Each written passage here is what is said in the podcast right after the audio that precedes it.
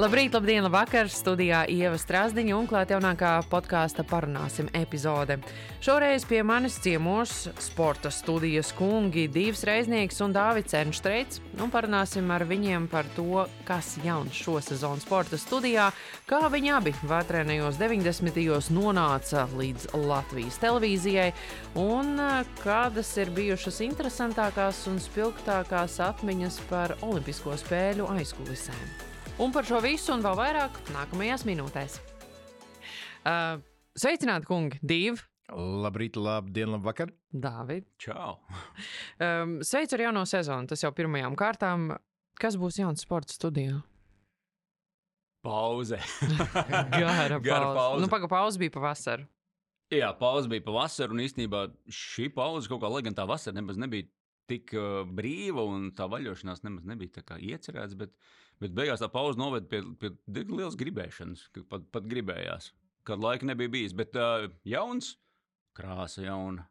Tad ir rodzīgi, lilīgi. Nu, zin, kā, kā večiem uzreiz tā kā sit pa varbūt zem jostas vietas vai pa pašlepnumu. No kā tā būs tādā lilā roda. Bet nē, nu, tas ir pārspīlējums. Mums to nav problēmas. Bet nu, pirmais jautājums, nu tā, ka večos Nu, met par kā te jūs veči nonācāt līdz lilīgi, rozīgai no zaļas cinemānos? Dinamisku, jautru, netik nopietnu, bet eh, būtībā ne labi, ne jau krāsa galvenais. Vai ne divi? Nē, nu man viss ir jauns. Man, šī ir, man šī ir pirmā uh, sezona uh, sporta studijas uh, brīnišķīgajā kompānijā. Es šobrīd uh, blisinu acis, skatos, uh, novēroju, novērtēju. Un... Zinām, ar to jauno ir liekas, tā, ka tu viena lieta, ar ko mēs ar, ar divu un ar citiem komandas dalībniekiem tur stundām vasaras gaitā, tu esi uz papīra licis, jauns, jauns, jauns, un tā, kad tiec līdz darīšanai, tad, protams, tu saproti, ka, ka nu, no sevis aizbēgt diezgan grūti. Uh, Kāp uz kaut kādiem veciem grābekļiem, bet, eh, bet, protams, ir ļoti struktūrēta tas, ko mēs esam līdz šim runājuši. Tur analīze, ietekme, eh, procesu virzīšana, nu, tas, kas it kā piedienās sabiedriskam mēdījam, ja tā nopietni. Nu, jā, man liekas, ka mēs esam, uh, zinām, kā. Mēs ar Dāvu esam ilgus gadus bijuši šajā, šajā vidē, televīzijas, un tad uh, parasti ir tā, ka tev uh, nāk jaunā sezona, un tad mārketinga komanda prasa, nu, ko lai mēs rakstām preses relīzē, kas būs jauns. Un tad domā, e, mums viss ir labi bijis līdz šim, vai ne? Nu, ko jūs vēl gribat? Tad šoreiz, šoreiz ir tā, ka nu, mēs esam procesā uz, uz kaut kādiem jauniem, jauniem pasniegšanas stiliem, pasniegšanas veidiem, saturiski. Arī proti, mums pāri visam, protams, ir sports. Kas ir sports? Tas ir emocijas. Tās mēs ā, noteikti tversim un grābsim un rādīsim Var un kā tik var, jā. kur tik var un kā tik var. Uh, par to mēs droši vien varam atsevišķi runāt, ka sporta studija tas nav tikai viens raidījums nedēļā, tas ir arī uh, sociālie tīkli, kur, kur nonāk nevis kaut kādas atraugas, bet oriģināls saturs, un, un pie tā mēs. Tas ir viens no tiem uh, nosacīti jaunajiem virzieniem, ko mēs vienkārši mēģinām ar vien aktīvāk un aktīvāk izmantot un piepildīt ar, ar, ar jēgpilnu saturu. Uh, Tāpat tās uh, un, un, un raidījums, televīzijas raidījums, tas ir nu, tā uh, vis, vislabākās odziņas, ko mēs varam nedēļas laikā vai ilgākā laikā sadarīt. Tad reizē nedēļā mēs to visu saliekam vienā raidījumā, kurā tā tad ir šīs sporta emocijas. Bet, mm, zin kā, š, ja agrāk tu varēji uzzināt spēles rezultātu, nopērkot uh, rīta laikrakstu, vai paklausoties uh, radio uh, ziņas, uh, tad, kad tajā stundā, kad viņas ir paredzētas, tad tagad, protams, ka mēs sporta rezultātus varam uzzināt tajā sekundē, kad viņi notiek, pat ja mēs neesam pie ekrāna. Kā jūs to darāt? Jūs Kā? sadalāties kaut kādās mājās. Jūs, piemēram, pasakāt, nu, nezinu, Dāvids tagad sēdēs visu nakti monitorēs. Nē, Basketbolu divas monitorēs. Es par kaut ko citu runāju. Es runāju par to, ka skatītājs, tas, tas kur interesē sports, sporta rezultāti, sporta uh, notikumi, um, pateicoties internetam, aplikācijām un tā tālāk, Ā. to var uzzināt momentā. Un ne no mums. Un ne no mums, jā, mums nav jābūt mums, mums, šis, šis vairāk nav mūsu mērķis pateikt, kāds ir rezultāts. Tā, tāpēc Mūsu- tās emocijas te Mūsu, mūsu mērķis ir tevi, ja tu sēdi mājās pie ekrāna vai sēdi trolēļbusā telefonā, ka, ja bija vakar superīgs mačs, ka tu tās emocijas, sēžot pie sava ekrāna, var izjust caur ekrānu. Un, jo rezultātu zini. Tāpat tās otra lieta, kas, uz ko mēs jā, gribētu turpmāk likt uzsvaru, ir pacelt kaut kādas tēmas, kas mums šķiet svarīgas sportā, sporta dzīvē, sporta aizkulisēs, sporta konjunktūrās un tam līdzīgi. Nu, kaut ko risināt, kaut un, kādas zini, kā nevis darības, darības. Nevis, nevis risināt. Risināšana ir jādara tiem, kam tas ir viņu atbildība, bet norādīt uz kaut kādām lietām, kas mums šķiet svarīgas, un, un parādīt, uh, izcelt kaut kādas problēmas, varbūt parādīt kaut kādas risinājumus, kas ir citviet uh, panākti, un varbūt nav jāizdomā jauns ritenis. Uh, bet vienkārši jāpaskatās skaitļiem vai ko. Un, un, un, protams, ka nekur nepazūd arī, uh, arī šī te, uh, sportistu uh, kā cilvēku parādīšana. Jo nu, sportists, nu, ko mēs viņu bieži vien zinām, kā tu zini uzvārdu hokeistam, bet tu īstenībā nezini, kāds viņš izskatās, jo viņam visu laiku ir priekšā varbūt tā maska vai, ne, vai, vai kaut kas tamlīdzīgs. Tad uh, mēs, protams, arī turpināsim parādīt viņus kā cilvēkus, iet pie viņiem. Uh, runāties, atklāt viņu kaut kādas šķautnes, jo viņi arī ir tikai cilvēki, un, un emocijas un dzīves stāsti katram ir daudz, daudz un dažādi. Bet kā jūs atrodat tās odziņas, par kurām stāstīt? Jo, piemēram, palabojies tagad kaut ko ļoti, ļoti nepareizi pasaku, bet, manuprāt, jūs arī bijāt pirmie, kas intervēja požiņas, tad, kad par viņu īsti neviens neko nu, tā nezināja. Tā, mūsu, tā, tā jau ir tā, uh, nu, tas prieks un gandarījums par to, ka tu izseko tam ceļam. Un, uh, nu, nu, nav jau nu, Kristapam gadījumā pie viņa varbūt ģimenes un brāļu ietekmes. Tur jau nebija tāds, tur jau nebija lielam detektīvam jābūt, lai saprastu, ka tur kaut kas būs. Bet, bet tāpat laikā arī, arī šajos apstākļos nebija tā, ka visi skrēja strīpā pie viņiem, nu, zinot, ka varbūt pēc trim gadiem viņi draftēs un pēc tam.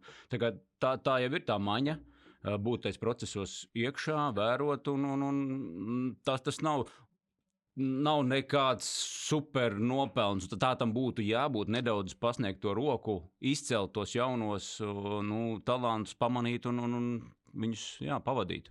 Tā lielā bagātība uh, sporta studijai un Latvijas televīzijai. Un iemesls, kāpēc es esmu ļoti priecīgs un pagodināts pievienoties šai komandai, ir tas, ka tur tiešām ir džeki, kuri šajā, šajā lietā ir ne pirmo gadu, un nav nekāda plānie galdiņa urbēji.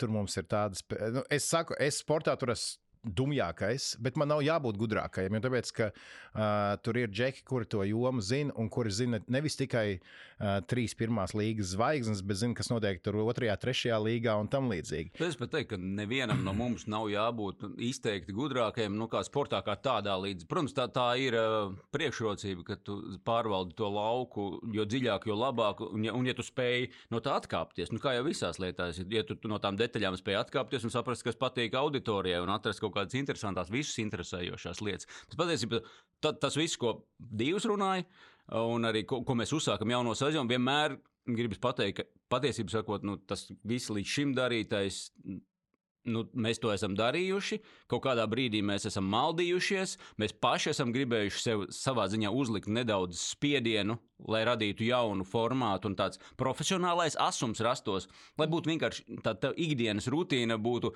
interesantāka un tu sev jaunus izaicinājumus uzlikt. Nu, no tā varbūt drusciņi ir jāuzmanās, lai ne, nekļūtu pārāk smagnēji, lai saglabātos vieglums, jo, jo ja mēs paliekam tikai pie analītikas, problēmu risināšanas, tad uh, jāatrod tas vieglais veids, kā par to runāt. Jo cilvēki, nu, ir tās divas daļas. Viena, viena daļa, kas ir vairums cilvēku no sporta sagaida izklaidi, kas ir izklaides industrija, un tad ir sociālā funkcija, kas ir sports un veselība, kas ir vispār sporta labākā jēga. Un tad nu, tur ir tas, tas mūsu, mūsu varbūt, jā, instruments, kā palīdzēt. Nu, profesionālajā sportā, protams, arī ļoti daudz neizdarību, kur var, var meklēt, kur ir problēmas. Bet pastāst nedaudz par to procesu. Es vienkārši domāju, tu esi jau šeit divus gadu desmitus, pat vairāk. Sportu esi nepārtraukti bijis. Tas izklausījās pēc apvainojuma. nē, nē, nē, nu, respektīvi, kad cilvēkam kāda lieta ir tik ļoti sirdī tuvu, un tu pietiekami ilgi par to esi interesējies, tur vienā brīdī nu, sāk interesēt vairāk nianses un nianses. Un Jā, tās nianses kļūst aizvien lielākas. Un, un kā, jūs, kā jūs nonākat pie tā, ka nu, rekur, šī ir pietiekami svarīga nianse, bet nesarežģīsim to par daudz. Kā, kā jūs to visu darat? Baigi grūti. Tāpēc, ka tur var aiziet tādās nianses, tiešām, nu, labi, var, var rādīt, kā pulēs lidu, un, tur, un, un tu vari to apvienot pat ar kinematogrāfisko pieeju un filmēt to pa, pat ne tikai, ja runā par, par, par, par slidu kā tehnoloģiju un sporta elementu. To es par to interesējos. Bet, eh, bet, kad tu to mēģini savienot ar TV vai kino elementiem, tu jau tur, protams, var radīt arī kaut kādu mākslu pat no tā. Bet jā, jautājums ir, cik cilvēkiem tas būs interesanti beigās. Nu, tas vienmēr ir tas siets. Un, un dažkārt atkāpties nemaz nav tik viegli. Un mēs kaut kādā divu, te, man liekas, pat analizējot pirmo raidījumu, kaut ko es minēju, ka, nu jā, es braucu uz to sporta veidu, no kuras neko nesaprotu, un, nu jā, tāpēc jau man bija vieglāk. Nu, uztaisīt visiem saprotamu sižetu, jo nu, tajās reizēs, kad tu saproti un zini aizkulis, tad brīžiem, kad skatītājs nesaprot neko vēl, no, cik dziļi tu esi aizgājis tajā tēmā. Nu, jā, tas ir tāds klasiska, klasiska žurnālista uh, problēma, ka, ja tu pārāk, uh, pārāk dziļi rocies kādā vienā konkrētā tēmā, tad bieži vien tu vairs nesaproti. Uh, cik, cik skaidrs šī bilde kļūs vienam cilvēkam parastajam, kuram tā ir varbūt pirmā un pēdējā reize, kad viņš par šo tēmu dzird. Bet tāpēc mēs esam komanda, kur. Uh, un, un man bija arī jautājums, "Ew, kāpēc jūs mūs tagad uzaicināt? Mums vēl jāieskrienas. Jā. Jo skaidrs, ka uh, līdz kaut kādiem jauniem uzstādījumiem nāk arī, nāk arī šī pierīvēšanās vienam pie otra un, pie, un, pie, un, un saprast pašiem priekš sevis, kā vislabāk izdarīt to, ko mēs gribam izdarīt. Un uh, skaidrs, ka pēc pirmā raidījuma mums, mums pašiem bija iekšējās diskusijas pusotras stundas garumā, ko Oho. mēs darīsim labāk, kā mēs darīsim citādāk. Jo, jo, jo ir kaut kādas jaunas stēles tagad mums plānos, vai ne? Un, un, un mums pašiem priekš sevis ir līdz galam, proti, tas ir ceļš.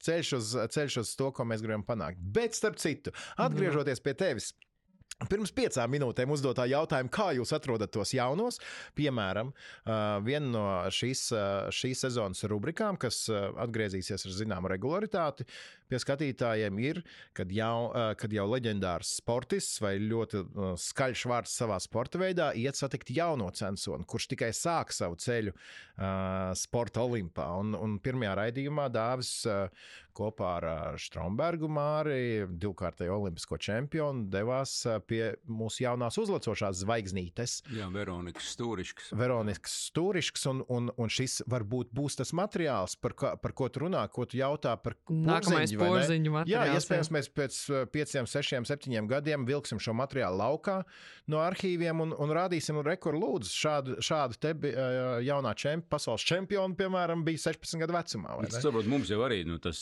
savstarpējais sportiņš tiem žurnālistiem arī ir.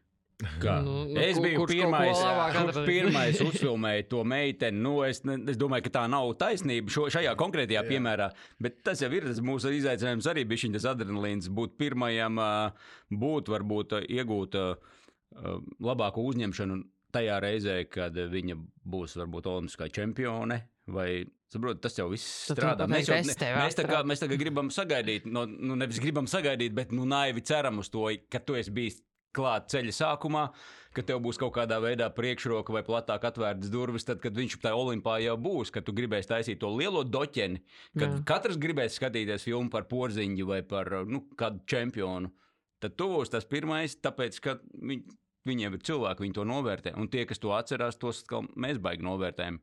Ir tā, ka ne, nevienmēr, jo, jo tā kā viņi kļūst tajā olimpā uzkāpt, tad visiem no viņiem kaut ko vajag. Protams, Visi rauj viņus gabalos. Un, un tad ir forši tā sajūta, ka viņš saka, ah, nu jā, bet es ar tevi esmu diezgan. Nu, Tā Mums nosacīts, bet, bet mums ir kaut kāda attiecība vēsture. Un, bet nu, to uzticību nedrīkst arī pievilkt.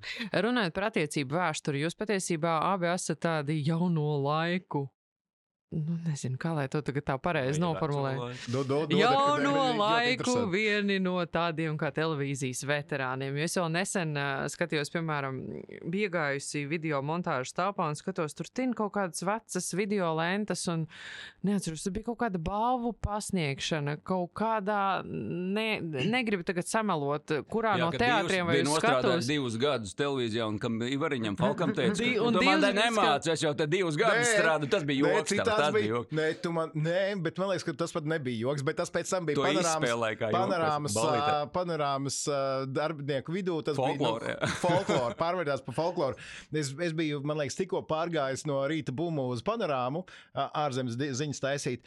Un Ivars Falks, tur ā, leģendārs ā, Režisors. režisors ā, ziņu dienesta, ā, viņš man kaut ko nu, pa ģēles stāstīja. Nu, kaut ko Nu, kā tu varētu stāstīja. izdarīt Jā. labāk, respektīvi, Un es, un es viņam atbildēju, ko tu man te māci, es jau te pusotru gadu strādāju. un, Jā. un Ivariņš, bija tur nostrādājis 40 gadus, laikam, vai ne? Tā kā, nu, tāds jau Bet nu, tas bija laiks, kad visādi jefiņi, kā mēs Bet- varējām nonākt tajā vidē. Tagad, man liekas, tas vairs nav tik vienkārši. bet- Bet, 90. gadu vidus bija tas laiks, kad nu, pret veciem profesionāļiem diezgan skarbi, man liekas, izturējās. Tāda kadra tīrīšana bija tāda, ka nu, Bet tie dā- nemāk neko. Šitie jaunie perspektīvie varēs visu, kaut gan mēs bijām. Es Dzirdējāt? lasīju, ap citu bija tā, ka toreiz te arī teica, tev meklē jaunos sportā, nāciet, vajag. Un... Bet pagaidā, es, es tagad uh, braucu šeit un uh, domāju, vai es pareizi atceros, ka mēs vispār pirmo reizi iepazināmies rīta bumā. Droši vien. Bet tu taisīji sporta ziņas arī Īsu brīdi, jā. Jo, um, uh, kāpēc, nu, jo mēs abi, vismaz man ceļš, ne, tev laikam citādāk. Man ceļš televīzijā sākās caur rīta bumu, kas uh, mūsdienu valodā runājot, rīta panorāma. Proti, brokastu televīzija, kurā es strādāju laikam divus gadus, vai to slaveno pusotru gadu. jā. Jā. Un pēc kuras es sev noz, nozvērējos, nekad vairs nestrādāt rīta televīzijā. Tas ir šausmīgs, grūts darbs, ja tu vēl paralēli, paralēli māci studē un tur vēl kaut ko tā. Bet, uh, bet jā, tā bija tāda baigā talantu kalve, caur kuru izgāja. Es atceros, Krista Vāvera, Aidis Tomsons, Baiba Strautmane vadīja.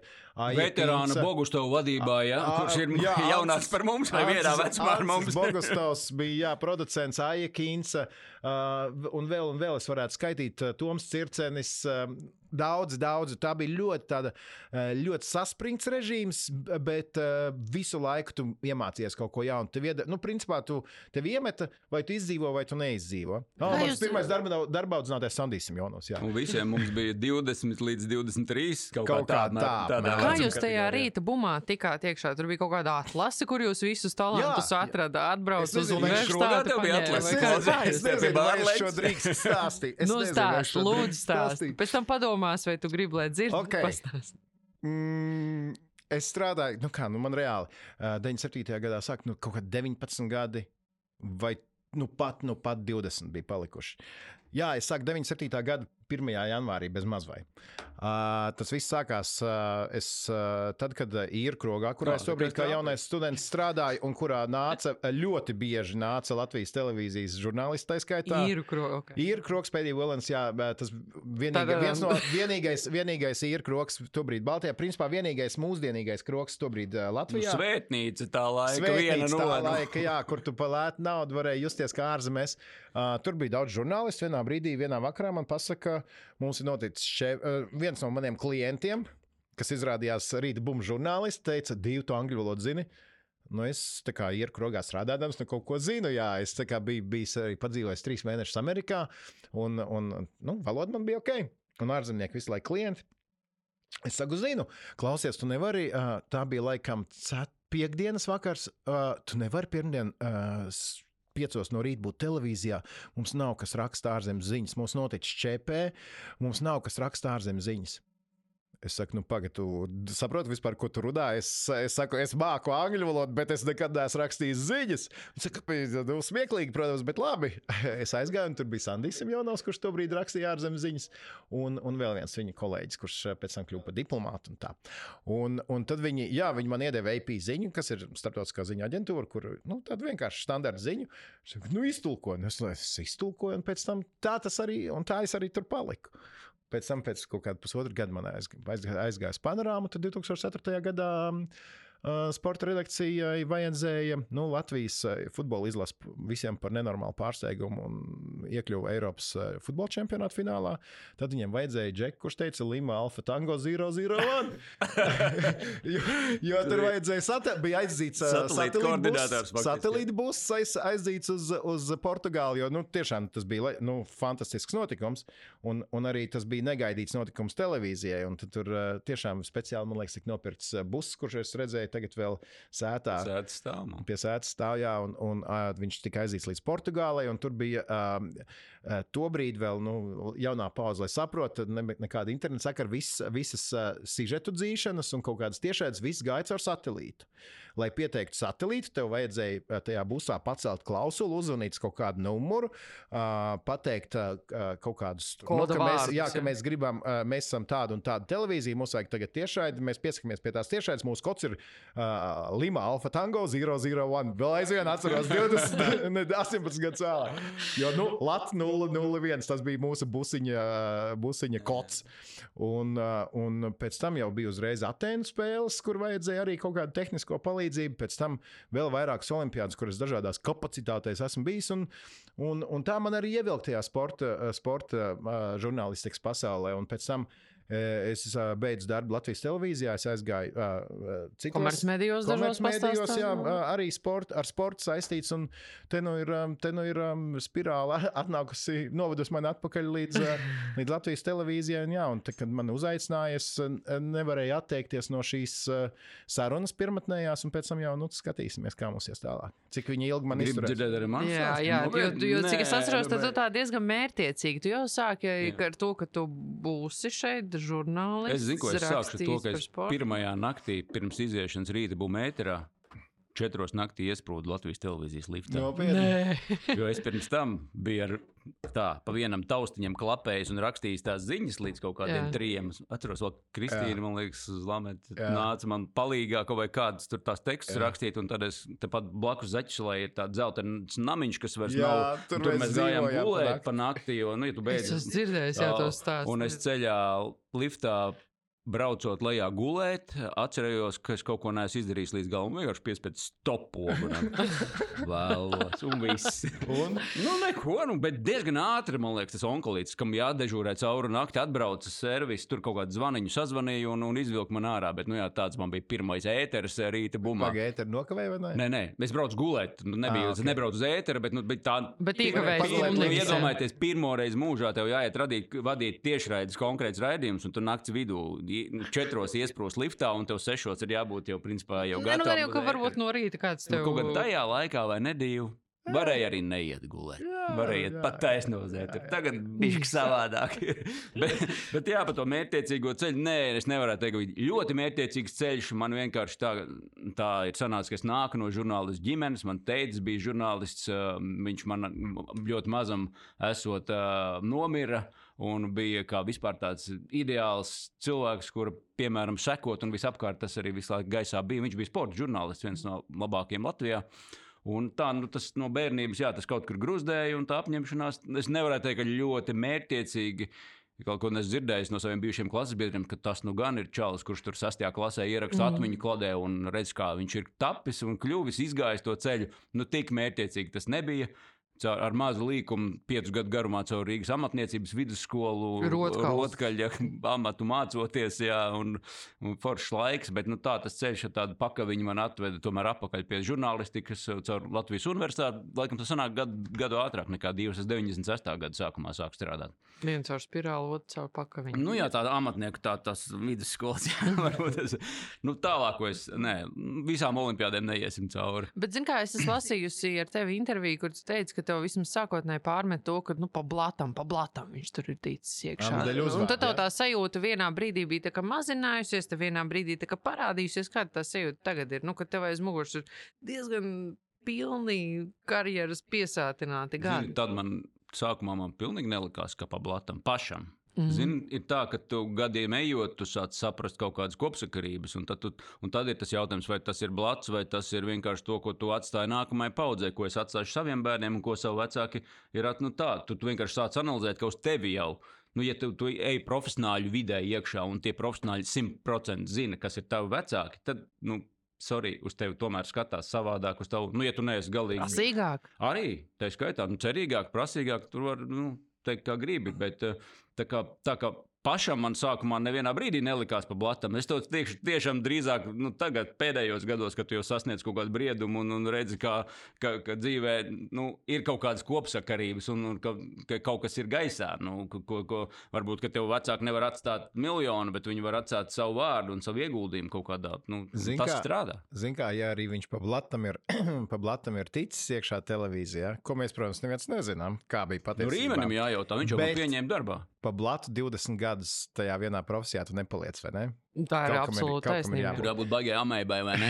Bet nē, par starp citu, par vecākiem. Pielāgotos visiem apstākļiem. Sta- Starp citu, par vecākiem runājot, man arī ir, uh, ir stāsts, uh, tad, kad uh, mūsu tos jaunos gurķus palēnām nu, pārlika no rīta bumbu uz, uz panorāmu, tad, kad kāds nosprieda, ka okay, viņi var laist jau pie lielākas auditorijas. Un tad, kā tas jaunais gurķis pēkšņi saprot, ka no kaut kāda rīta, kur, nu, nezinu, skatās, neskatās, nu, kāds jau skatās. Bet uh, tad tev pārliek uz raidījumu, kur skatās nu, katra, tur, katrs piektais Latvijā. Vienlaicīgi tobrīd tā bērni bija. Jā, visi sēdēja uz pusdeviņos un skatījās panorāmu. 350 tūkstoši mierīgi. Un tad man bija uh, pārdoms par to, vai man nevajag paņemt pseidonīmu.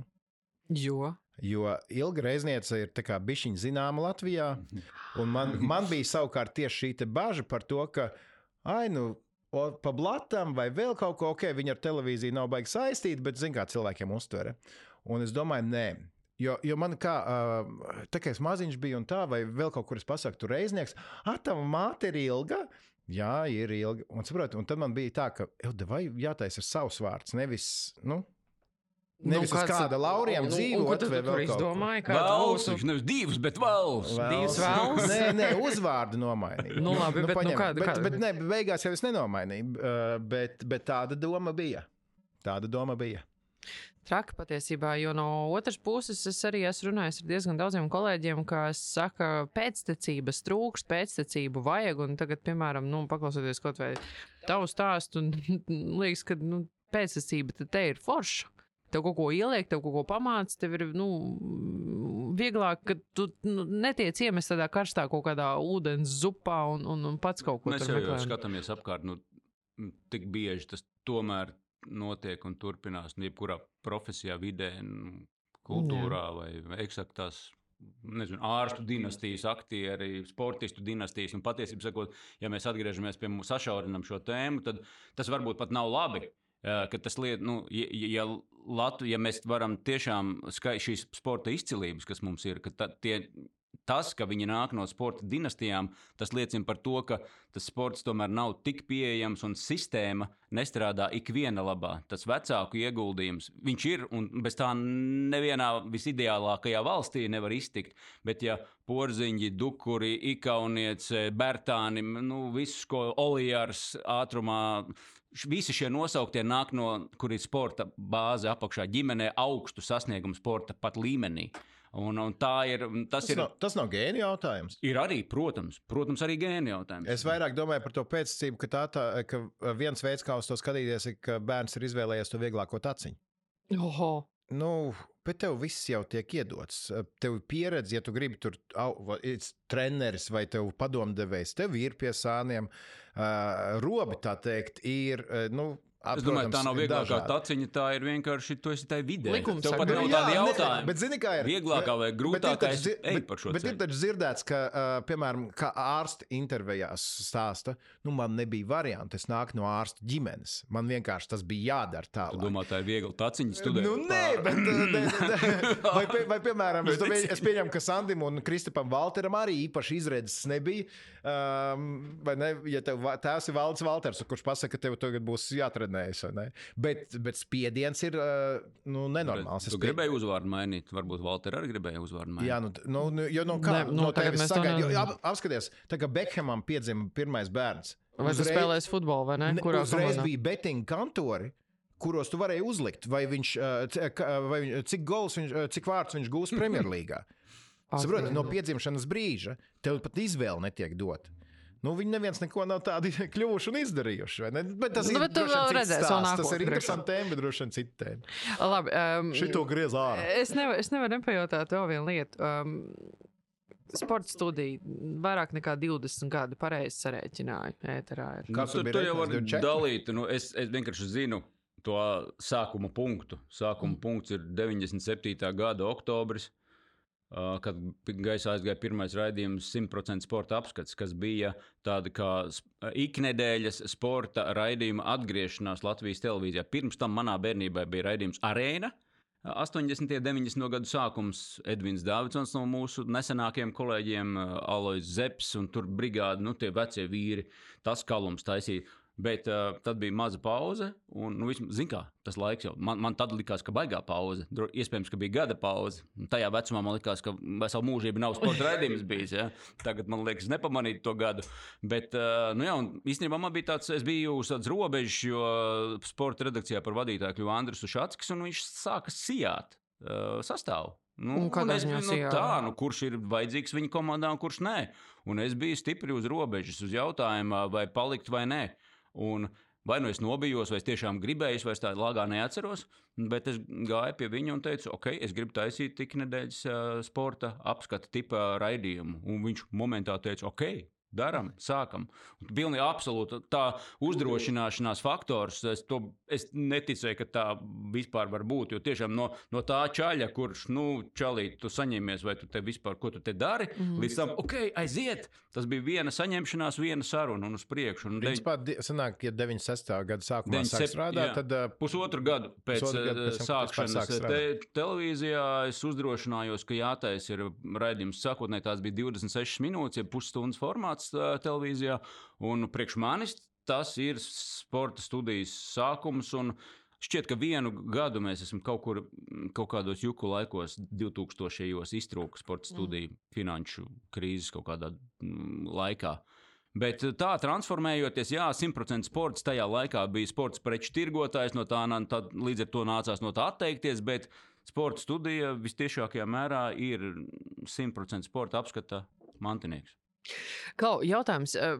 Lūk, tu stāstīji par to, kā divkā bija kādreiz, kad uh, notika translācijas caur satelītu, un tad tur bija jāsaka tie kodu vārdi, un tad, tad aiziet kaut kādi failiņi aizceļot caur satelītu no vienas vietas uz otru. Es, es atkal- arī Betikam uh, kamerās, uh, kasetēs filmējis New York Times Square, pēc tam gājis uz pastu, lai sūtītu Ak, uz Dievs! Lai, uh, lai uh, varētu uh, uztaisīt tā, ka izskatās, ka mēs visu raidījumu globus esam taisījuši Ņujorkā. Jo mēs visus sižetus es biju sataisījis šitā te televīzijā pirms izlidošanas uz Amerikas prezidenta vēlēšanām.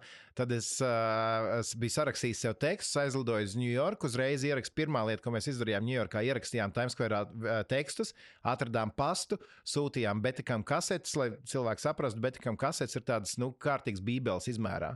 Nu, to laiku tajās rakstīja. Aizsūtījām pa pastu, un tad atlika tikai turēt tīkšķus, atnāks līdz televīzijai vai neatnāks. Lai paspēja iemontēties. Paspēja. Paspēja. Un tas bija krūti. Bija speciāli izlaidums no Bet- Ņujorkas. Bet, labi, nu, tagad, piemēram, mūsdienās jūs paši arī teicāt, ir ļoti daudz dažādas iespējas sekot līdzi sportam. Tev ir dažna dažādas lietotnes, kurās tu redzi tieši, kad notiek Mhm. -huh. kaut kāda rezultāta spēlēm. Tev ir iespēja paskatīties pat specializētajos, tur katram atsevišķam sporta Jā. Veidam, um, internetu mājaslapās, Twitter, vispārējais, kā dabūt informāciju, saprast to, kas iet, kas neiet, par ko cilvēks cepās. Kā bija, piemēram, 2000. gada sākumā? Nu, tas nebija tādas lietas, un es labi atceros, kad internets bija man, piemēram, labi ja reizi nedēļā. Televizors bija principā vienīgais, ko tāds parastais cilvēks varēja skatīties. Kaut kādas avīzītes šur tur bija, bet tik liels informācijas daudzums kā tagad nebija. dāvas droši vien var pateikt. Nu, lietojām ziņu aģentūras, divu pieminētās, veidojot nu, ziņu saturu, Reuters, AP. Nu, ta, tas arī bija. Bet eh, nē, nu, nebija jau tā, nu, Nu, ka pagaid, nebija kā- arī tā, ka nebija Nu, nekāda. internets bija. Pagaid, nu, Dāvi. mēs taču. Uh, Davi, uh, tagad tu sāki strādāt televīzijā, 96. gads. Kā tu uzzināji par, vai kad tu uzzināji par NBA spēles rezultātu, piemēram?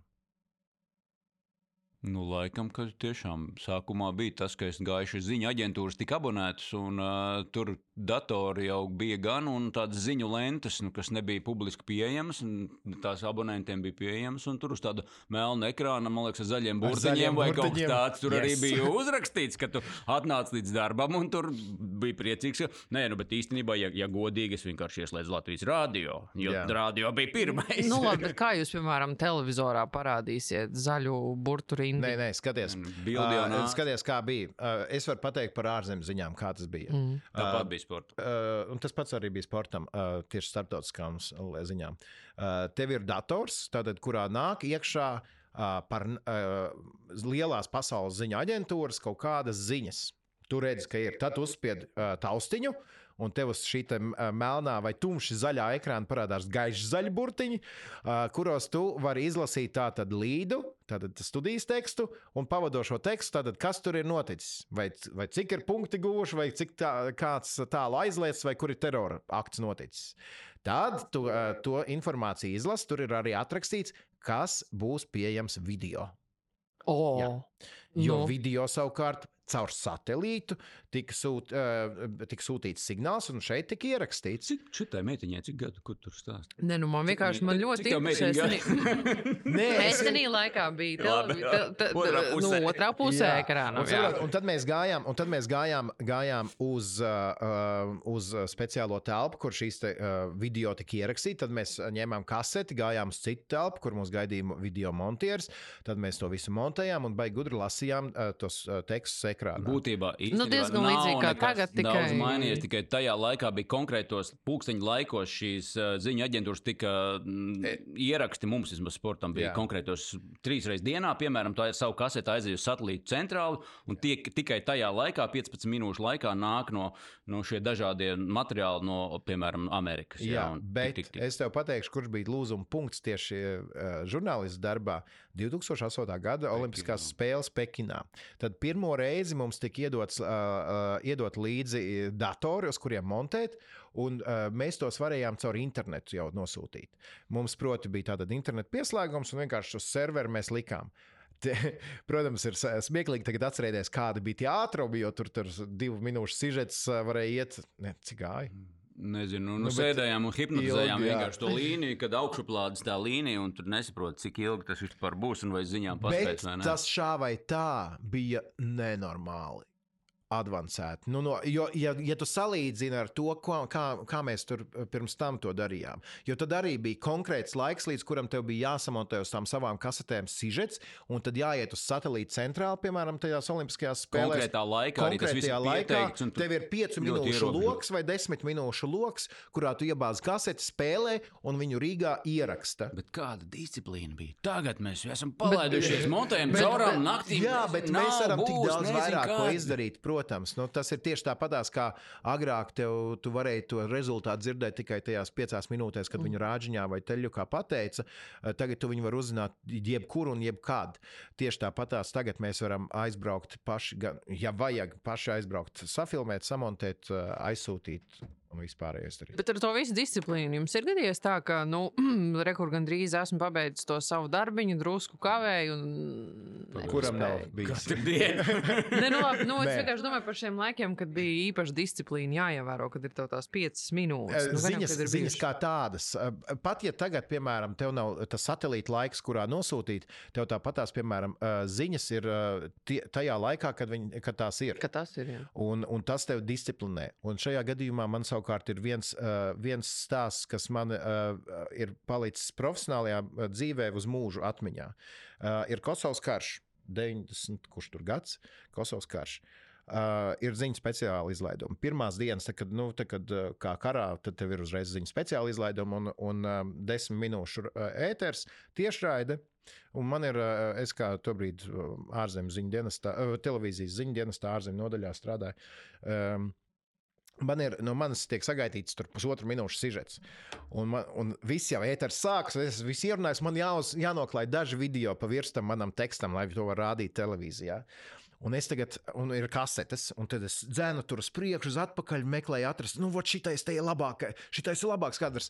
Nē, tur būs vēl labāks kadrs. Un man saka, divi, mums ir ēters, mums tulīt ir jālaiž, jālaiž gaisā. Es saku, tulīt, tulīt, tulīt. Mm -hmm, tā klasika. veci. Burtiski vēl tur 10 sekundes, 20 sekundes ilgāk es pamontēju.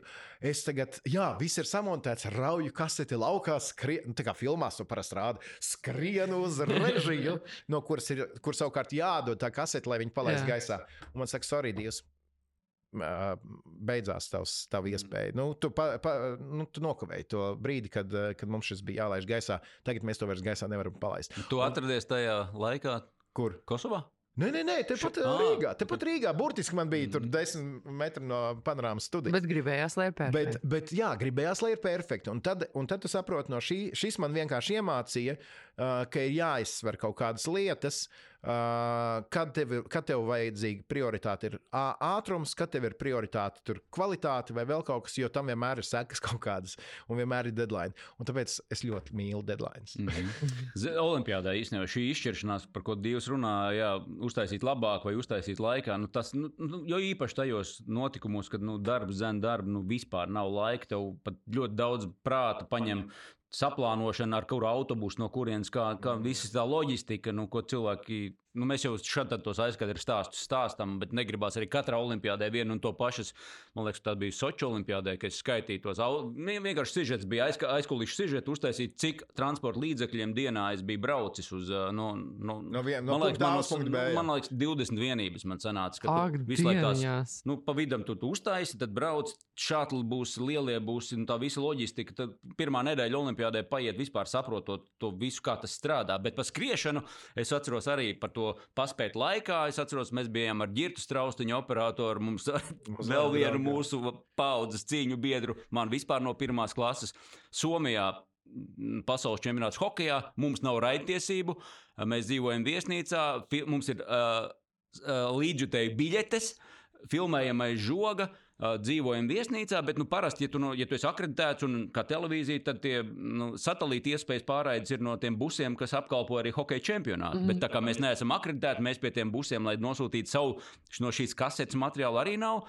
Ir kaut kāda brīvdiena, un es atceros skrējienu no viesni. Mēs montējām uz um, koferu, šķiet, ka tas jau bija tas pārējais laiks. tāda Nu, pārējais paskaidro, kas ir kofers. Jā, Tā montāžas uh, mašīna, kas mums ir līdzi, koferu lieluma montāžas. Un viņi arī ierīce. saliek kopā un izskatās kā kofers. Jā. Jā.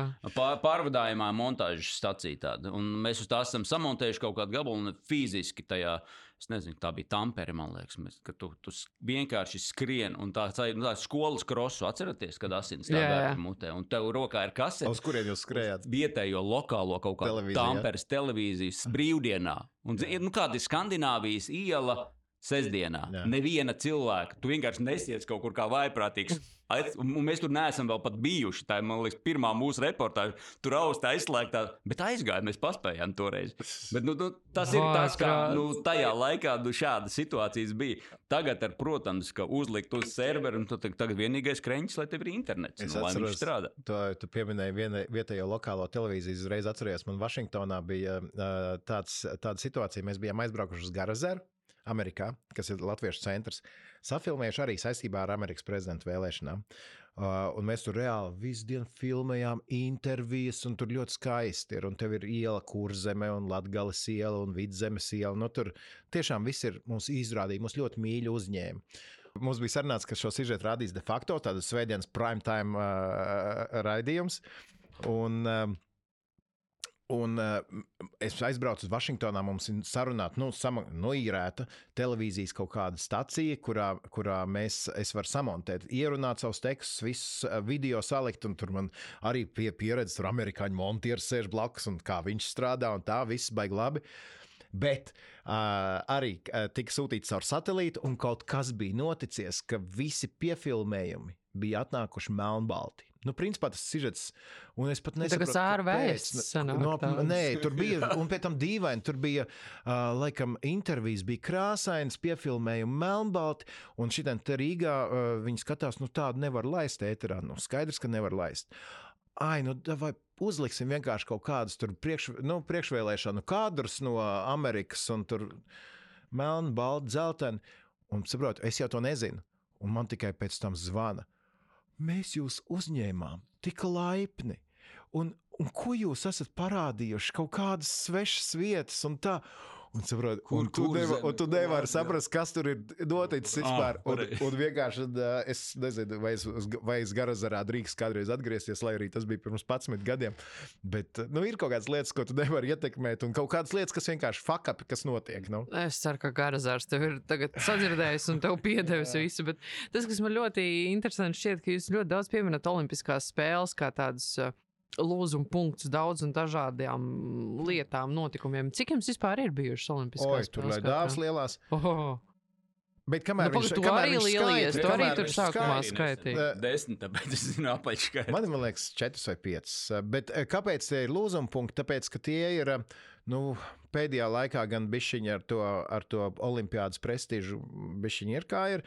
Bet, bet eh, principā tie ir četri gadus tur lielākais sporta notikums pasaulē. Uh, un, un to var ļoti labi redzēt, piemēram, ja skatās uh, uz aizkulisēm, kas notiekās. Uh, es zinu, ka pirmo reizi 4K attēlu es redzēju Olimpiskajās spēlēs.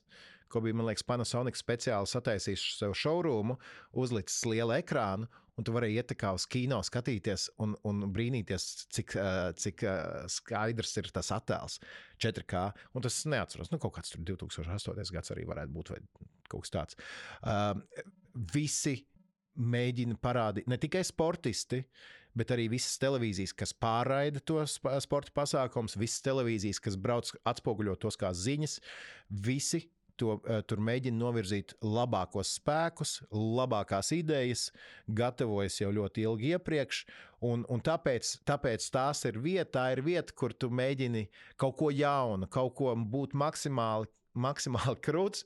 Un, un, un, jo es saku, tās ir, tās ir sacensības ne tikai sportistiem, tās ir sacensības arī, arī visiem pārējiem iesaistītiem. Nu, tas Fotogrāfiem, ir, cikli ir, redzi, pirmkārt, neapšaubām tas, ko Dievs saka, ka tas ir joprojām lielākais notikums vispār uz šīs pasaules. Nu, nedod Dievs kaut kādas uh, globālās kataklizmas, jā, bet nu, Vai arī kaut kas vēl lielāks? I- Nav, nē, nosauc kaut ko lielāku. nav. Nu, es nezinu, jā, nu, varbūt nu, ko, nu, nu, Nu, jā. nu, kaut kas rodas. Kā, ne, bet ne par to mē- mēs, mēs neesam ne šīs idejas aizstāvji, ne iznīcinātāji. un ir- Tur ir problēmas ar, ar to, un nu, vispār mūsdienu pasaulē ir krietni ātrāka nekā četru gadus cikli. Mm. Mhm. Ne, nu, tā, tā, tāpēc tā, tā varbūt loma un vieta tajā uh, izklaides industrijā, varbūt tām olimpiskajām spēlēm nedaudz ļodzās, bet uh, man pašam. Nu kā, nu, tu taču dzīvo dzīvi kaut kādos, nu, varbūt tas ir kaut kāds ļoti liels kastīšu cilvēks, bet kaut kādi nogriežņi taču paliek. Un, un sportā ir divi, divi, divi. Vasaras, ziemas, vasaras, ziemas. Un, un, un, un vasaras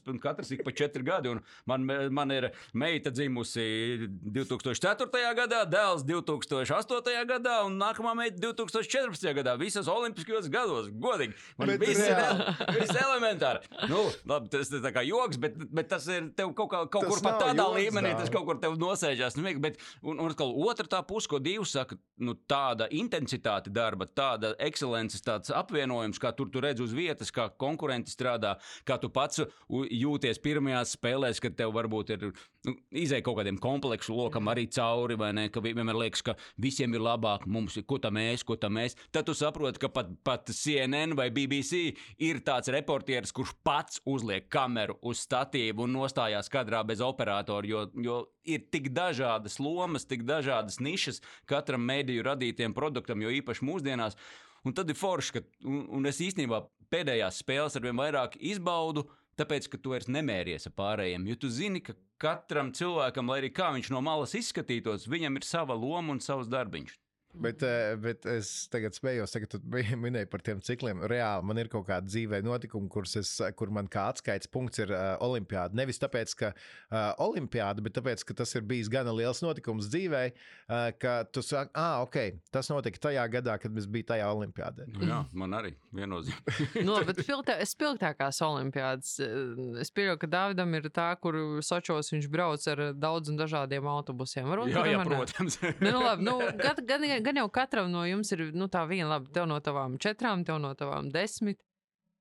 Es Kāda tāda, kas tāda vis, vis, vislielākā Es, nezinu, man ir, varbūt, es, es vienmēr šo jautājumu piedodu, jau nav baigi oriģināls šis jautājums. Jā. Viss ir īpašs, jā, jā. īpašs jautājums. Ne, es vienmēr kaut kā pieminu Londonu 2012. gads, jo, viņa nā, jo, jo šīs spēles nāca pēc Pekinas. eh, kad likās 2008. gadā Pekinā vasaras spēles, kad to mērogu, to perfekcionismu nespēs nekas pārsist. Jo tu jau Nu, tas man, man, priekš manis vēl tas bija man, tas vecums, kad tu gaidīji, nu, pārsteidziet mani, nu, gribēs vēl un vēl. Nu, nu, pasaule jau joprojām to gaida. Es cenšos tagad būt savādāk pieiet. Bet, jā, div, gaidot 2012. gada spēles, likās, nu, ko tad tā Anglija, Lielbritānija pēc, pēc Ķīnas varenības un šī armijas kārtības spēs piedāvāt.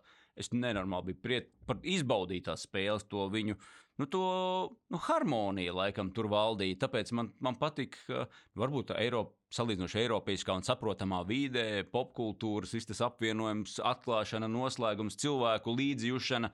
Nu, viss tev saprotams. Nu, tur ir diezgan tāda karstasinīga cilvēka arī patiesībā. Jā, bet, bet man, man diktes izbaudīja. Londona? Jā, Londona. Bet Londona bija mums arī pieejamāka kā pilsēta. Varbūt, kad mēs arī dzīvojām. Jo mums blakus bija pilsētā. krodziņš, uz kur mēs varējām vakarā tā atkal aiziet. Ir krodziņš, droši. Nē, nē, nē, bet ne, jo vienkārši atceros, piemēram, Pekina. Cik tā ir vasaras spēle, tad cik bišķi vairāk par trim nedēļām, vai ne? Nu, kaut kā tā.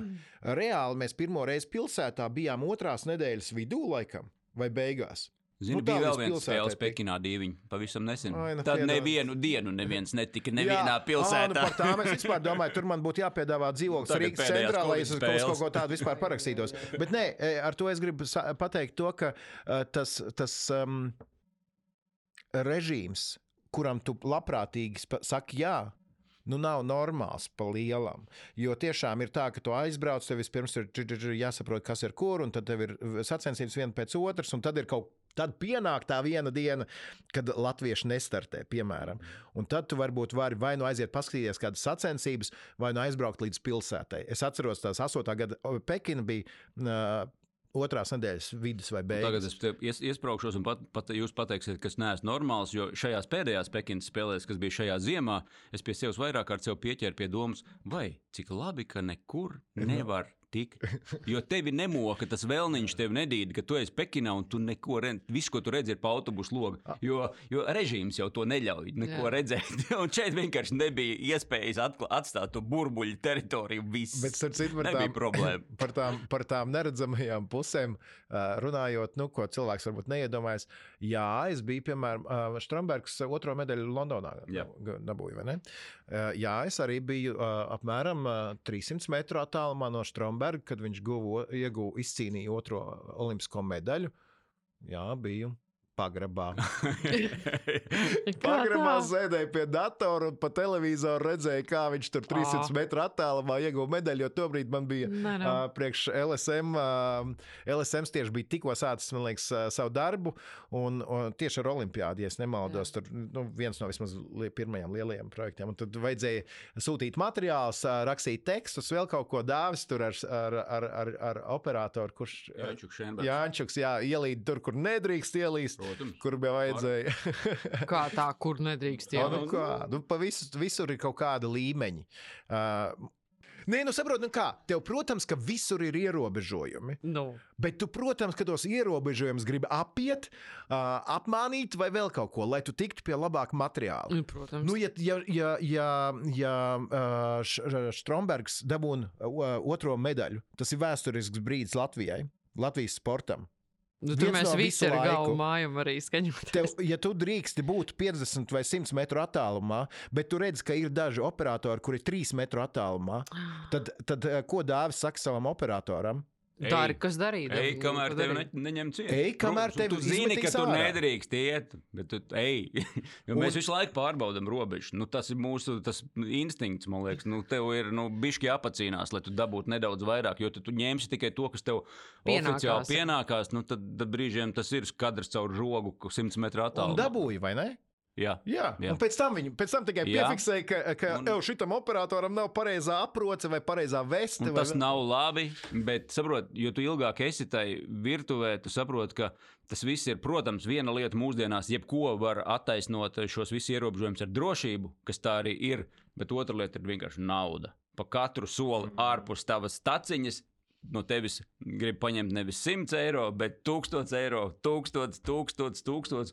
Un tur, ja tu nav samaksāts par visu, pilnīgi iespējamo visu, nu, tad tu cīnies, lai, lai, un, un tu pats vari izlemt, vai tas ir godīgi šīs prasības, ka tev cenšas Jo, Nu, jā, jā, nu, labi, šis var būt absolūti triviāls uh, piemērs, bet, ja Olimpiskās spēļu šajās pēdējās spēlēs uh, lielais sponsors ir kafijas ražotājs, un viņa logotipi ir izvietoti visur, un ja tev mēdīju centrā, kur tu strādā diennakts režīmā, par to kafiju ir jāmaksā 5 eiro par krūzīti, nu, tad tajā brīdī tu saproti, bāc!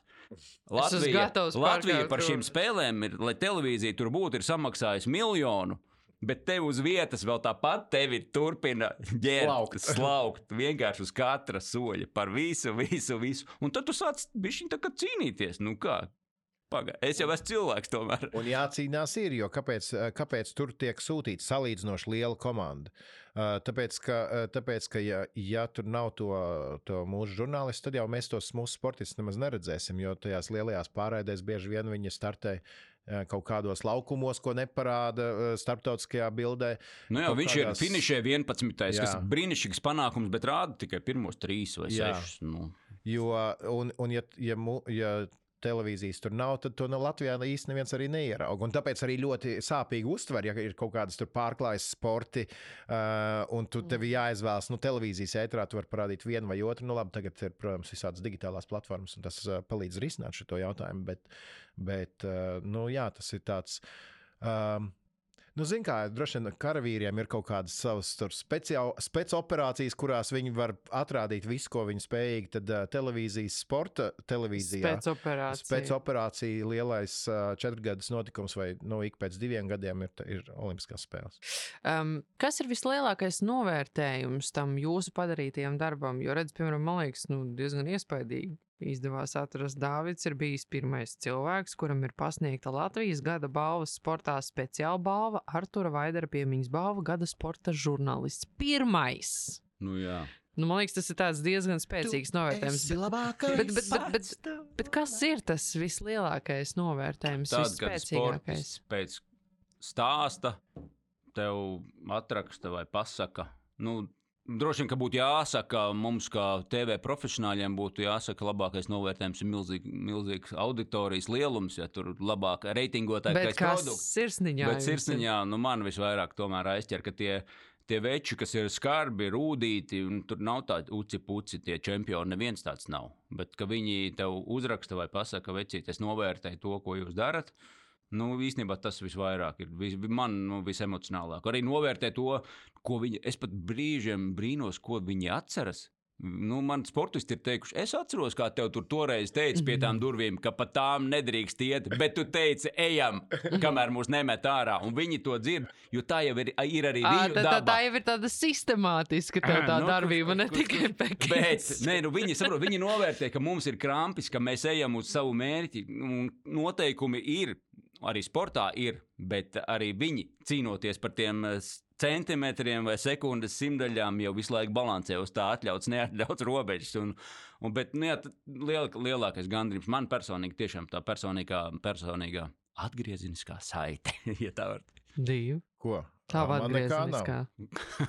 Tu vienkārši es, esmu, dari? es, esmu, es esmu karjeras sākumā trīs reizes nominēts žurnālistikas cerības balvai. Bija tāda žurnālistu savienība, un kur devi eh, žurnālisti. Iespējas vēl. Uh, nē, nē, skaties, es trīs reizes tiku nominēts un trīs reizes paliku otrajā vietā. Tā kā es esmu žurnālistikas bezcerība. Uh, Nu, nē, nē, es esmu no tiem tipiskajiem latviešiem, kurš, ja tev ir uh, desmit komentāri, no kuriem, no kuriem deviņi ir uh, forši, forši tu pastrādāji, viens ir, ej, tu stulbs, es, ko tu dari? Man galvā paliek tikai tas viens, un tas es sev graužu. Un, un tā. ne, labi, bet nu, kas Par tev ir tas runā? Lielais gandarījums? nav. Ne, labi, bet, nu, labi, nu, bet, Nē, nu, gandarījums nav gandarījums. Mēs jau nerunājam, arī nerunājam par Panākums. Man nav nu. tāds balvas kā dāvim. Tu esi ne par balvām runājis, ko tu čelīji. Es pieminēju, ka viņam ir balva, bet es lūk, pat sirdis nepieminēju. visvairāk silda atgriezniskā saite no sportistiem. Kas, kas ir tev tas? Jāpadomā, jā. Nē, nu tiešām nu, tas, tas ir tas, ka, nē, nu, jā, nu, tev atraksta, paldies, un tad, tad, tad tu novērtē, ka viņi, ka viņi ir, ir to darbu novērtējuši. Jā, protams. Bet es saku, man ir, man ir šis paš, pašgraujošais uh, netikums pie, pievērst pārāk lielu uzmanību uh, kaut kādām negatīvajām lietām, lai arī, nu, tu saproti. Nu, jā, un tad domā, ka tās pozitīvās lietas, ai, tās tikai, zinu, lai kāds kaut ko pielīst grib, vai es nezinu, ko, es nezinu kāpēc viņš saka kaut ko labu. Tā, tā kā, Nu, pēc žurnālistikas standartiem es, es ļoti labi saprotu arī, ko tu runā, jo ir jau vēl tā otra blakne, m, būt labam pret mm, citiem. Tas jau nav mūsu uzdevums, mūsu profesijas pienākums. Jā, kā, tas vienmēr ir tā. Nu, Kā- vai, kā teiktu, un es, un es tam piekrītu, ā, kā teiktu Armāns Puķis, ar kuriem es ilgus, nu, pēdējos desmit gadus kopā strādāju, sporta žurnālists nedrīkst būt sporta, sporta fans. nu, jā. Tas, tas nav mūsu uzdevums. Mūsu Vienkārši tu mērķis. nevilšus kļūsti par sporta fanu, jo, nu, jo īpaši gadiem ejot, ka varbūt pats tas notikums, varbūt tev nemaz netik daudz uzrunā, cik daudz patīkamāk taisīt tomēr stāsts par panākumiem, Protams. nevis par sāpīgiem zaudējumiem. Un man, man ir bijuši tādi pārmetumi no, nu, arī kā tu mini no komentāros, vai kāds pat personīgi rakstījuši. Kaut ko tu atļaujies jautāt pēc tāda zaudējuma, kaut ko tādu viņam, kā tu atļaujies pajautāt. Bet tas ir Nu, daudz. kā- Tas ir mans darbs. Un otrkārt, es zinu, ka nu, tam cilvēkam, kuram es to jautāju, ka viņš to uztvers adekvāti. Nu, nav tā, ka es viņu ar to iedzenu zemē vai pazemoju. Nē, es, es, es, es uzdodu tādu jautājumu, nu, kā tad tev šitā sanāca, labi, vulgarizējot. Tam cilvēkam, kuram to drīkst pajautāt, nu, tā uz dūlo. Nu, Pagaidiet, man, mans kā, piemēram, producents skatījums ir, tas ir viņa darbs uzdot šo te nepatī, ne ar to jautājumu. Jo, ja viņš to neizdara, tad viņš nav izdarījis savu darbu labi. Tas jau mums trūkst, mēs apzināmies Latvijas mazajā. Jo, ģi- jo ģi- skaidrs, ka tā te ir problēma par to mazo, mazo pasaulīti, kur var kāds uzmest lūpu un tam līdzīgi. Un tam līdzīgi. Bet, bet ja, mēs, ja mēs šādi te pakļaujamies, ka kāds mums uzmetīs lūpu un tagad vai ar mums neviens nerunās, tad, tad ko? Tad mēs būsim galma, galma kaut kāda žurnālisti? Nē, mēs tādi nebūsim. Jo nav jau nav jāizdala, godīgi runājot, sporta žurnālistika. Nav tāda sporta žurnālistika. Ir žurnālistika, viss. Un mums ir pilnīgi tie paši principi. Jo, Žurnālisti nē, ir mums ir- uzdot jautājumus, un dažkārt ļoti mums- nērtus. Mums ir jābūt godīgiem pret savu skatītāju. Jo skatītājs pateiks, vecīt, tu neizdarīji savu darbu, nepaprasot to. Protams, ka um, ir jāsaprot, ka es pieņemu, ka varētu, nav, nav kāda grāmata sarakstīta, kur ir apkopot visi šie te, uh, uz emocijām bāzētie izteicieni, vai varētu vismaz bukletiņas, domāju, sporta žurnālists, jebkurš uztaisīt, kad uh, uz emocijām, protams, ka tu esi gājis, piemēram, iedomājies sportistu, olimpiskās spēles, tu esi gājis uh, uz šo mērķi visu savu mūžu, gadus, visu savu mūžu īpaši- pirmkārt, un četrus pēdējos gadus. Jā. Tu esi cīnījies ar traumām, vēl vis kaut ko, vēl vis kaut ko, un tev nesanāk. Mums katram var dzīvē kaut kas nesanākt. Un, ja mēs no katra sportista prasām, lai viņam katru reizi sanāk, tad mēs esam bišķiņi nu, tādi. Riebīgi. Uh, riebīgi, jā, un vispirms vajag pasīties sevi. Bet loģiski, ka man ir jautājums tev kā sportistam, kāpēc tev nesanāca. Bet tas sportists ir gājis uz to pēdējos četrus gadus un visu mūžu, un viņam, viņam es domāju, ka viņš sev lielākais kritiķis jau vispirms, un ja man vēl kāds nāk ar jautājumiem idiotiskiem, man pašam ar tām emocijām jātiek galā. Un es saprotu gan sportistu, bet es saprotu ļoti labi arī žurnālistu, kuram ir jāuzdod šis jautājums. Un, tā, un tad ir rodas uh, leģendāras kaut kādas lietas vai frāzes par dakšiņām, kur tur vai ne, un kur tur vēl. uh, un, un, uh, bet katrs vienkārši dara savu darbu. Un, un uh, spriedz, spriest spējīgs sportists pēc emociju norimšanās, es pieņemu, ka saprot, ka katrs dara savu darbu. Es tā uz, tā skatos. Mm, Tagad jau tuvojoties mūsu sarunas noslēgumam, gribas arī nedaudz uzzināt vairāk par jums pašiem, kā cilvēkiem. Sākās. Uh, jā, jā, jā, jā. jā. Jau izgāju, man šeit vairs nav. Piemēram, man ļoti pārsteidz, kā Dārvids Nu, iepriekš Dāv, kur tu ej? Kur tu ej? sāka Montāža, runāt, montāža. sāka runāt, man likās, ka mēlēs un patiesībā lībiešu valodā. Jā, nē, lībiskajā ir nē. Piemēram. Jā, tas man šauja korķis joprojām ārā. Nē, nu es nerunāju lībiski. Es Tur nav, dzirdēju- tur nav tā kā Ungāriem, kad arī galvas kratīšana ir citādi. Paldies Dievam, bet, bet tad, kad mums bija lībiešu bērnu nometnē šogad, un nu, bērni arī tur apgūst lībiešu valodas pamatus, un kad mm, pedagogi runā nu, vakar, vakar, vakarēšanā latviešu un uzdod bērniem jautājumus, un viņi visi korī bļauj, nē, nē, nu, mēs esam kurzemē, un normāli stāvnieku nē ir nē, bet lībiski nē ir jā. Bet labi, no ārpus, ārpus, ārpus sporta studijas. Jā, ārpus tad, kad viņš nav darba, ēterā, viņš tikai lībiski ar Tikai runā jā. lībiski, bērniem māca teikt nē, un uh, Nē, skaļi. nē, es atvainojos. Tas ir nā, nā, rakstās NA, divi punktiņi augšā un garumzīmī. Tā rakstās nē, augšā un jā, apakšā. lībiski. Jā, lībieši nevarēja izdomāt ga- garumzīmīt vai divas Nē, punktus. Lībieši zināja, kā šauro un plato e atšķirt, saprot? Nevis ne tā kā. Ā, nu tad ja mums Jā, jāpaņem. Lūdzu. Okay. Nu, labi, interesanti.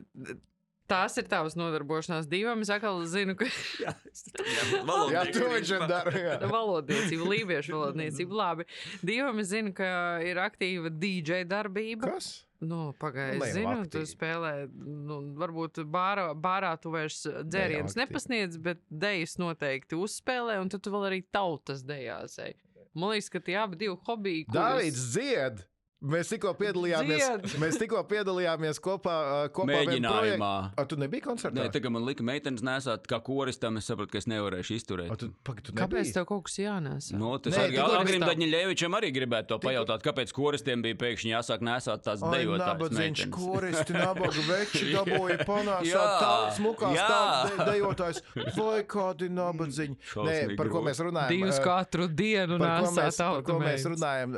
Augustā bija Meža parka strādāja projekts Dziesmu dejo dejas kan, kur bija gan koristi, gan dejotāji, un, un Dāvīds savukārt. Es biju vienu mēģinājumu, biju aizgājis, bet man no debesīm nokrita lieliski iespēja taisīt starptautisku sadarbības jā, kopražojumu filmu par lībiešiem. Tā kā es tās trīs dienas, kad, bija, kad tu dejoji meža parkā, Nu tas jā. nevis dziedāju un tevi pavadīju, Nu, bet, bet principā, jā. filmēju filmas. Principā viņam daļu. vajadzēja dziedāt, un man vajadzēja dejot. Tā kā viss bija labi. Bet, Un vēl desmit tūkstoši, ne tikai jā. mēs divi tā. Nu, jā, jā, jā. Nu. Nu, jā. Bet uh, par Bet tavu labs jautājumu, par tavu jautājumu runājot, uh, tas, par ko tu runā, ir nevis dīdžejošana. Es gan teiktu, ka tas ir tāds uh, atskaitas uh, nodošana citiem cilvēkiem. Man interesē vienkārši uh, pasaules mūzika. Vai tā, vai tā saucamā world music. Un es kaut kad sāku pirms kaut kāda laika, reizi pusgadā, uh, krogā aptiek Rīgā spēlēt uh, tādas ballītes. un Bija kaut kāds cilvēks, pulciņš, kuram tās patika. Tad tas kroks aizvērās, un Kristaps Krēsliņš, uh, Amerikas Latvijas, kurš starp citu es iepazinu Vašingtonā. Toreiz tajā jo viņam reizē. Vašingtonā uh, bija bārs, kura, uh, kurā pulcējās latvieši, un es, es caur vienu čomu sazvanīju Kristapam un prasīju, vai mēs varētu sarīkot tavā krogā tikšanos ar vietējiem latviešiem. Nu, proti, pasaules kaut kādas. Tā bija tā krāsainā vai melnbaltā bilde. Nezinu. 5, 6, ah, nē, nē, tas bija cits pasākums. Nē, šitā bija krāsaina. krāsaina tur 5, droši vien. 6 Beigās latviešu pasaules, un mēs tur arī iepazināmies. Mums, mums kaut kā saskanēja, tad mēs aizgājām pusdienās, pēc tam jau nu, sadraudzējāmies. Bet, um, Jā, un tad eh, pie, viņš bija vienīgais trakais, kurš teica, ok, manā krogā dīvaina mūzika, dāvāj. Un es reizes pusgadā spēlēju, un es kaut kādus tagad, eh, divus gadus nebiju spēlējis, un tagad mēs uz uh, etnofestivālu, uh, Valmiermužas etnofestivālu kopā ar manu kursbiedru uh, Kasparu Zavļēski, arī uh, šeit uh, Latvijas televīzijas raidījumu kultūra deva uh, producentu. Uh, tad mēs uzspēlējām gan festivālā, gan iesildīšanās pasākumos pirms festivāla, bet es to nesauktu par tādu beigo aktīvo koncertu dzīvi. Tā kā vienkārši tā, kad man ir sakrājies daudz foršas mūzikas, es gribu kā, kādu padalīties, un tad šis ir tas veids, kā varētu, jo man interesē tāda, tāda mūzika aktīva, pie kuras var padalīt. Savukārt par tautas dejām, um, jā, nu. Pēc, tūksto, uh, pēc 2012. gada Olimpiādas Nogriež. Tajā, gad, ne, tajā gadā es sāku dejot 35 gadu vecumā. Nu, A grupas sastāvā, kas ir jaunieši, nu, pilnīgi pilnīgi kreizīgi pasākums, bet uh, jā, kaut kā man, kaut kā man iepatikās, un es uh, turpinu dejot ķekavas novada vidējās pauzes, te kolektīvā zīme. Nu jau vidējās Nu, paudzes. jā, vidējās Bet pauzes. kur- kur jums Neapmāni- pil- Nemānīsim sevi, ja? Kur jums pietiek tam visam laika, nu, ņemot vērā, ka ir gatavošanās sporta studijai, visu materiālu meklēšana, tagad vēl arī padziļināta Kā analīze. sākās sports studija, viss mums vairāk citas dzīves nav. nē, nē. Tas tikai tā pa vasaru padejo, padzied, nē, nē, nē. pafilmē filmas, parunā ar bērnu. Nu, bet mēs, tu gribi, lai mēs būtu tādi ļoti vien, uh, vienvirziena uh, personības. Mums jau vajag dažādas izpausmes. Ne, nu labi, nu iedod tādu varbūt padomu, kā jūs sabalansējat to, kad jūs pasakāt, nu nē, stop, nu tagad man ir jāiet ir uz mēģinājumu. Kad tu sāki dziedāt korīt? Kaut kad nes, nu, salīdzinoši nesen, ne? Šitā, man liekas, ir atsevišķa Nē, nē, atsevišķa bet- podkāstu tēmu savienošanas prasmes, un ko vajag, ko nevajag. Es atsāku arī dziedāt 2014. gadā, un tur arī ir foršs mums pašiem stāsts par, par kora atjaunošanu pie bijušās mūsu kora vadītājas. Mums ir skolas, Natālijas draugiņas vidusskola, tagad skaitās eh, absolventu kors. Mm. Un mēs, mēs, mēs paši sanācām kopā, lai ko atjaunotu. To izdarījām, uh, godīgi izturējām visus skatus un simtgadus dziesmu svētkos piedalījāmies. Tagad gatavojamies nākamajam. Kā kāpēc tas tev bija vajadzīgs? Nu, labs jautājums, divs. Nu, man patīk. Tev sieva piespieda? Mēs ar sievu kopā tur dziedam. Jā, tas, arī, ir- tas arī ir labs vienojošs faktors, ka var tomēr doties nevis kaut kur pazust, bet kopā iet. Bet, nē, nu, mīlestība pret, pret dziedāšanu. Pret uh, pedagogu, un tas ir tādā ziņā, man liekas, ļoti, ļoti skaists piemērs, ka tu ar savu tādu sabiedrisku, jau pieaugušu cilvēku iniciatīvu, sākotnēji arī par savu naudu, uh, vienkārši sametoties, Um, paši to savu hobiju finansējam. Tagad jau ir pierādot, ka mēs esam labs koris, uh, jau ir kaut kāds no finansējums, bet nu, tur bija laba sakritība. Bija Rīga un Umejo bija Eiropas kultūras galvaspilsētas uh, 2014. gadā, un mēs ar šo kori no Umejo. Mūsu skola draudzējās no 1987. gada. Un vienkārši tā, tādu sagadīšanos bija jāizmanto, ka abās, abās, abos galos, gan Umejo, gan, gan mūsu Rīgas skolā, mēs atjaunojām korus, un mēs turpinām dziedāt joprojām. Tad Mēs, mēs 14. gadā aizbraucām uz Umejo, viņi atbrauca pie mums pēc kaut kāda Jēzus 20 gadu pārnājas. Tāds Bet stāsts. televīzijā bija kaut kāds projekts pirms vieniem uh, dziesmu deju svētkiem, kur uh, uh, zināmas TV personības izmēģināja tur katrs uh, sevi, tur uh, dejotāju, tur kārtā, un tu gāji pie kora. Ne? Jā, es dziedāju. Tas bija tas. Man, Nē, man nē, kaut kā saistījās, ka nē, tas tas- saistībā ar to. kors. tu- Tas tā bija, bet tas bija impulss, jo tas bija pirms 2013. gada dziesmu svētkiem. Tas projekts bija. Tad es nonācu tajā uh, korī, un drīz pēc tam nu, viss zvaigznes salikās. Un, un 13. gada uh, svētkos es strādāju kā žurnālists uh, uz. Uh, U, kā mēs sakām, uz dziesmu svētkiem, nepareizi, bet piedalījos tajos projektos un nu, dabūju to sajūtu, ka tu esi tur tā ar vienu kāju, esi iekšā. Bet, un, un tad es kaut ko es neatceros, bet nu, man bija tā sajūta, ka no simtgades svētkos es būšu uz skatuves, piedod televīziju. Tas būs mans brīdis. Un, nu, Nē, nu kā, nu viss ir at, atbildot uz tavu jautājumu. Nu, tu jau uzdod tā, it kā mēs tur nezinām, ko darīt, kalnus gāstu. Vai, Nē, nē. nu, nu, kā, nu, kat, nu, ir, ir kaut kāds darba laiks, tu kaut ko plāno. Protams, ka man vienmēr ir bijis interesanti, kā, ir, kā būtu strādāt darbu no 9 rītā līdz 5 vakarā. Un jā, tu atbild mājās. ka tu to vairs nespētu. Un, nē, es, es pat nezinu, tas būtu droši vien jokaini. Kaut gan, nu, zināmā kā zāle zaļāk citur, tad uh, būtu interesanti pamēģināt. Prioritātes. Nu, tu saliec prioritātes, tu, tu saliec savu, savu kaut kādu kalendāru. Uh, man ir tā, ka man ir, ja es jūtu, ka ir rīktīgi daudz visa kā, tad, tad es at, atgriežos pie speciāla kalendārīša, kur man ir viss, ir viss ir sarakstīts pa punktiem, un tad tikai dzēs laukā, tā, tas ir izdarīts, jo visu galvā nevar paturēt. Ir vēl viena laba, nu nav laba, bet es smējos, ka tu dažkārt radi tādu priek, priekšstatu par sevi, nu, ka tu esi citur. Nu, vai tu esi Lībiešu krastā, vai tu esi korī, vai tu esi televīzijā. Zini, Šito tev Tagad, tagad, tagad, mē- un jā, tad- tagad viss Tad zinās. visiem dažkārt liekas, ka tu esi citur šausmīgi aizņemts. Ir arī tāds ai. maziņš Tagad es, tagad es tev prasīšu, lai tu man atsūti lokāciju. Jā, tā kā. Nē, nē, nu tā ir. Es, es smējos, man dažkārt ne- nepārāk patīk tā sajūta, ka tu, nu, tu līdz ar to tu varbūt nav nevienas lietas, kurā tu esi pa visiem simts. Jā. Um, Tā, tā ir tā blakne. Jo, vairāk tu dari, jo ir tā. Bet, bet iekšējais tas pulkstenis vai iekšējais tas sensors gribētu būt pa visiem simts visos procesos. Bet to vienkārši tu nevari. Jāņem bišķi vieglāk, un to man daudz cilvēku māca. Tā ir ļoti gudra doma. Uh, Saruna gribas noslēgt uz Vismaz vienas viena ļoti šodien. provokatīvas domas, ne bet jautājumu. Uh, Tātad amerikāņiem ir beisbols, angļiem ir futbols, lietuviešiem basketbols. Kas ir latviešu nacionālais sporta veids? Cits latvietis. Vakariņās ir cita.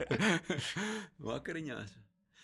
Mums, kas man liekas, ir- nu, ir man, man mūsu? liekas, ka uz šo jautājumu droši vien nevarētu kļūdīties, ja teiktu, ka latviešiem nacionālie ir visi jaunie sporta veidi. O, jā, Visi jaunie. Nu, tāpēc, ka mēs visu laiku gūstam uh, lielākos panākumus. Uh, skaties, Š- Strombergs un BMX, uh, 3x3 un mūsu uh, izlase nu patās olimpiskie medaļnieki. Pēc tam vispārējā jāatzīst, ka ir šāda sporta veida, sāk grūst iekšā piķis, sāk cilvēki nodarboties, un tad jau mums tā konkurence krietni lielāka. Bet tad sanāk, ka mēs ar šādu runājot noniecinam viņu panākumus. Mēs to tāds nebija mūsu Nē, mērķis. nē, bet uh, nu, mūsu kā nācijas spēja ielikt uh, kaut kādos jaunos procesos, ātri adaptēties un izmantot situāciju, es domāju, tas, tas ir jānovērtē. Pēc tam, protams, vienmēr ir tas jautājums, kur būs mūsu 3x3 komanda nākamajās Olimpiskajās spēlēs. Tas jau būs varbūt tas atskaites liel, li- lielā patiesības stunda. Bet Mums ir 90, es nezinu, man jau vienmēr jūg, cik tur tās sporta veidu federācijas. Līdz ar to tas ir, tā ir mūsu nacionālā īpatnība, ka mums vajag visu. Nu, Tas tā Mm, paralēls ar mums divu. Mēs arī nespējam nekam atteikt, ka skrienam vien. vienā laidā. Bet, bet nu, tu nevari mm, likt uh, vienu par. Nu, šobrīd liekas, ka basketbols nu, ka, ka ir uz viļņa, ka tas ir asinīs, ka tas ir paudzēs, tas ir pieejamāks. Uh, nu, pirms desmit gadiem likās, ka hokejs. Nu, tagad mēs saprotam, cik tas ir dārgi, ka tas ir ekskluzīvi. Bet, uh, nu, Nu, varbūt šogad labklājībai. Varbūt futbols soli pa solim pagām ar savu demokrātiju. Un, un, Kā un, un, cilvēki, ne, ja tu, man jau likās, ka tas ir abstraktais jautājums, bet, ja tu gribi tādu Nē, es gribu dzirdēt, jūs esat jau cik gadi atkarīgs, viss ir atkarīgs no uh, panākumiem. Jo vienā brīdī visi var kļūt par tādiem BMX ekspertiem vai tālmešanas ekspertiem, jo, nu, re, kur ir panākumi, un tad, protams, ka vienmēr vēl kāds, ja tu netrāp tik labi, tad uh, atradīsies vienmēr eksperti, kur zinās, kā tas ir jādara. Uh, tas pats arī ar hokeju, ar, ar, ar futbolu. Tad, kad ir, piemēram, uh, futbola čempionāts, nu, tad, tad, tad visi baigie futbola eksperti. Tas, ko es daru, ir, ir es aizēju uz. Um, Man ir šādi jautājumi pašam priekš sevis, nu, kurš tad ir galvenais sporta veids Latvijā. Un tad es aizēju uz um, nu, divām uh, vadošajām um, sporta ziņā, um, diviem vadošiem uh, portāliem un paskatos, kādā secībā viņi ir sarindojuši sporta veidus. Jo visdrīzāk viņi ir sarindojuši tajā secībā, kuras visvairāk, uh, visvairāk lasa. Un ko tavs pētījums uzrādīja? Nē, nu, tur, tur katrs aiziet un paskatās. Tur, tur mainās. Basketbols, hokejs, nu, tur tas pats jau ir. Uh, Vienbrīd boks, redz, mēs bijām boks lielvalsts, nu, nu jau vairs nē. Bet, ja mēs tā, Pagaidām. ja mēs tā, nu, ja tu gribi nopietnu atbildi, tad es šobrīd teiktu, basketbols. Panākumi, masveidība, pieejamība. Uh, Jā, bet tu paskaties. Jā, šobrīd, kad KP ir un visi labākie ir, tad ir basketbols, protams. Bet, ja mēs paskatāmies dažus gadus atpakaļ, kad mēs atkal netikām tur, netikām šur, tagad nekvalificējāmies uz Eiropu, tad atkal bija, oh, kas tas bija basketbols, visi. nu, jā, nu, mums ir tā, tā problēma vai laime, ka Ir mums ir no kādi kā 3, izvēlēties, jā. 4, 5. Kas ir gana masveidīgi, un, un tas, tas panākumu faktors to svaru kaut Bet tas pat ir labi. Tas, tas, Jo lēšiem ir garlaicīgi, lēšiem ir basketbols. Mm. A mums, a mēs varam kļūt redz, par, par hokeja faniem, piecīņa, jā. par, par, par, ba, par futbola faniem, par basketbola faniem. Un galvenais, ka mēs visu zinām, kā ir jādara. Trenerim jāstrādā un jāspēlē. viss. Mēs esam unikāla nācija. Un par visiem visu vislabāk zina sporta studija, kur atgriežas ēterā jaunajā sezonā. Skatieties, pirmdien vakaros Latvijas televīzijas pirmajā kanālā. Un sporta mūsu visos sociālajos tīklos, Instagram, Facebook, kur vēl. Viss kaut kur. Paldies, Dievs, paldies. Un LSM, protams, LSM.CLV. Labi, ka kāds atcerās visus tos sīkumus, mazsvarīgos. Paldies jums, kungi! Paldies jums, Lūdzu, par sarunu! Paldies par sarunu! Čau!